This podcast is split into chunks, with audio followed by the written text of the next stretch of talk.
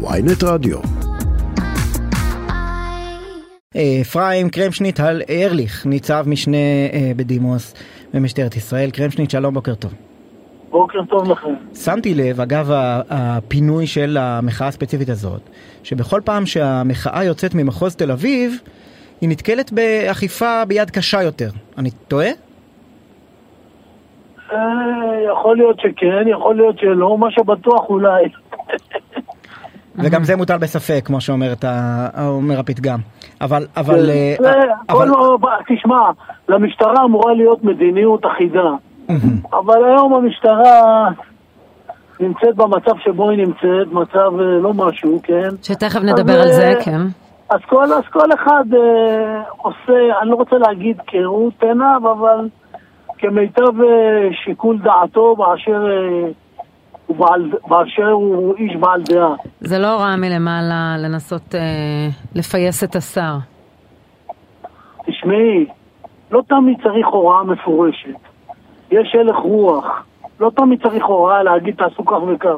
יש כאלה שמבינים שזה, איך אומרים, ירצה את ה... רוח המפקד קוראים לזה, כן. את את הגביר, זה ירצה את הגביר שבמקרה זה- זה בן גביר, ואנשים מבינים, עיני ערך אה, הרעיון עם אה, מפקד מחוז חוף שהיה לפני איזה שבועיים. יורם כן. סופר, כן. אבל, אבל בדיוק ה- הסיפור הזה של המחוזות ומתי הדבר הוא ב- בשליטת מפקד המחוז ומתי הוא מדיניות ארצית של כל המשטרה אה, זה בדיוק לב המחלוקת הראשונית שהייתה לבן גביר עם צמרת המשטרה הרי הוא אמר תראה. אה, אני מדיניות אחידה והם אמרו לו תשמע יש ל- למפקדי המחוז סמכויות ואתה לא, אתה לא יכול ברור להתערב להם. למפקד מחוז, ברור למפקד מחוז, חייב, חייב, חייב להיות שיקול דעת, כל אירוע, אירוע נמדד לגופו, אתה לא יכול אה, לבוא כמו איזה, אתה יודע, כמו עם הראש בקיר, ישר עם סוסים ו- ומכתזיות ואמצעים כשאין צורך. צריך להפעיל שיקול דעת, צריך לראות מי הקהל ש, שבא ומפגין מולך, צריך גם לזכור דבר אחד,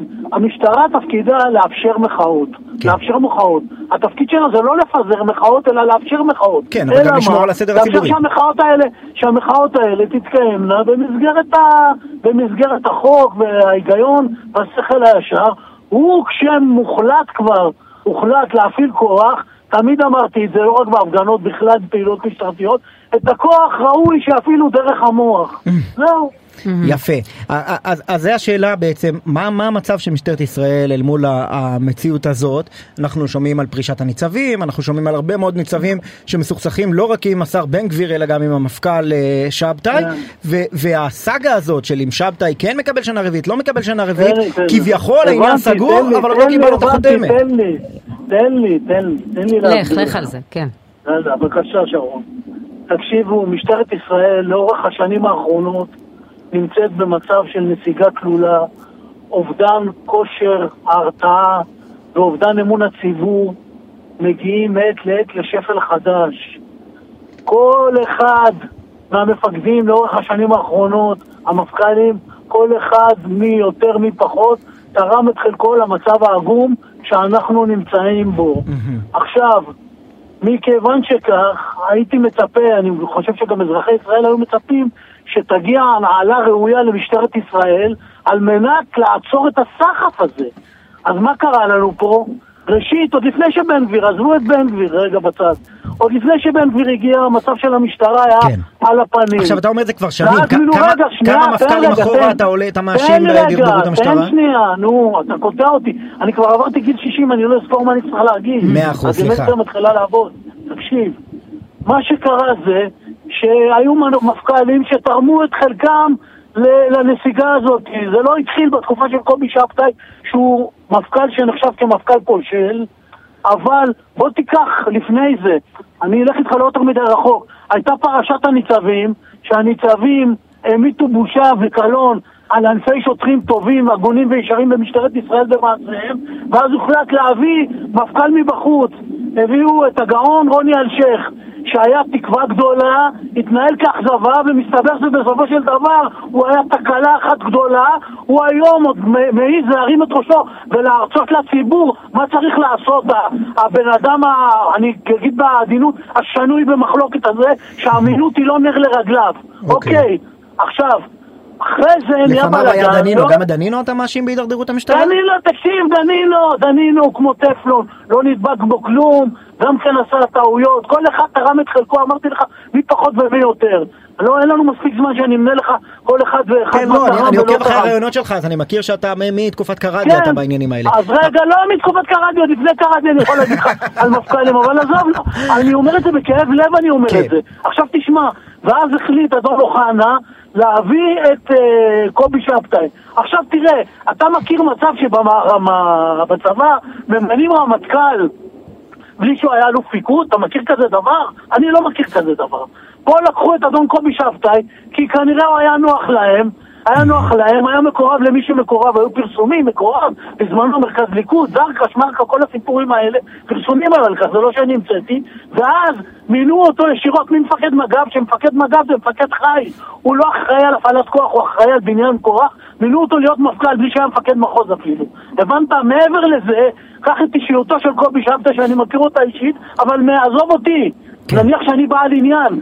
הוועדת גולדברג, בראשות השופט גולדברג, זכרו לברכה, השופט גולדברג בעצמו הסתייג ממינויו לאור התנהלותו באי אילו אוקיי, מקרים. אבל קובי שבתאי מסיים. בוא נדבר על מי יהיה המפכ"ל הבא. רגע, האם ה- הקריטריון למינוי המפכ"ל הבא צריך להיות כמה הוא מתחנף כמה הוא לא, מתחנף לא, לבן גביר. גם.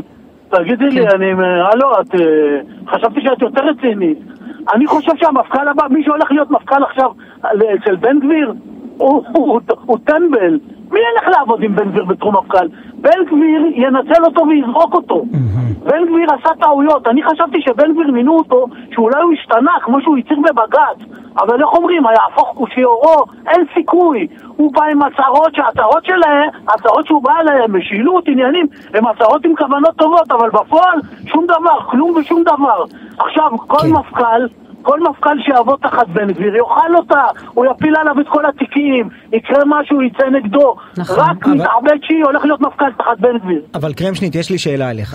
אה, אני- ככה עבר אני לא- לידך המשפט האחרון. לא, אני, הרבה משפטים עברו, אה, אה, עברו דרך אוזניי.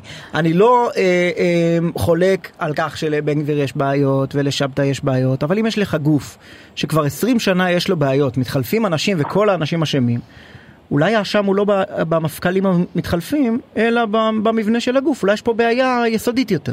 הגוף, תקשיב, הגוף הזה, שמע טוב, הגוף הזה יש לו בעיה רצינית, שגם מבקרי מדינה וגם ועדות חקירה ממשלתיות וממלכתיות קבעו שהארגון הזה זה ארגון שיש בו תרבות של שקר. עד שלא יבוא שר ומפכ"ל שהחליטו שהם ביחד, יד ביד הולכים, ודבר ראשון, לפני שהם מקימים משמר לאומי ומשמר בינלאומי, ממגרים את תרבות השקר במשטרה, שום דבר לא יעזור, כל השאר זה שטויות. אני זוכר ש- משכורות, הכל, זה בסדר גמור. אני זוכר שאלשיך נכנס לתפקיד, והוא אמר נו. אה, הודעות אה, מפסיקות לצאת, ניצבים מפסיקים להתראיין, הכל עובר דרך דוברות המשטרה. כן, כן. כן. ואני לא, אני, חושב שתסכים איתי אה, אה, הרב ניצב אלשיך לא הקטין את תרבות השקר במשטרה, אבל כן היה ניסיון להילחם בזה, והנה מה אתה רואה היום. שוב פעם הניצבים, שוב פעם בלוף, מלחמת הניצבים בניצבים. שמע רגע, בלוף אחד גדול כל הסיפור של אלשיך, הוא בא הכניס רעיון תעסוקתי, בדיקות פוליגרף, אז מי שעבר פוליגרף בהצלחה עבר, ומי שלא עבר והיה מקורב למלכות, קיבל תפקיד, שיפסיקו לספר לנו סיפורים. יש כאן אוקיי. תרבות של שקר שהמשיכה גם בתקופתו של אלשיך, שיפסיק לבלבל את המוח האלשיך הזה. טוב, אפרים, קרמשניט, ארליך, תמיד אה, מעניין לדבר איתך. אף פעם לא כן, אבל משעמם. למה אתם מרגיזים אותי על הבוקר? לא? אנחנו לא אתה מרגיזים, זה במיטבך המשטרה כשאנחנו מרגיזה. מרגיזים אותך, נו מה לעשות. יאללה. תודה רבה. אה, ונודה גם. למפיק שלנו, עמיתי אלוני, שהשמטנו את שמו קודם, אז אנחנו כמובן. מודים לו.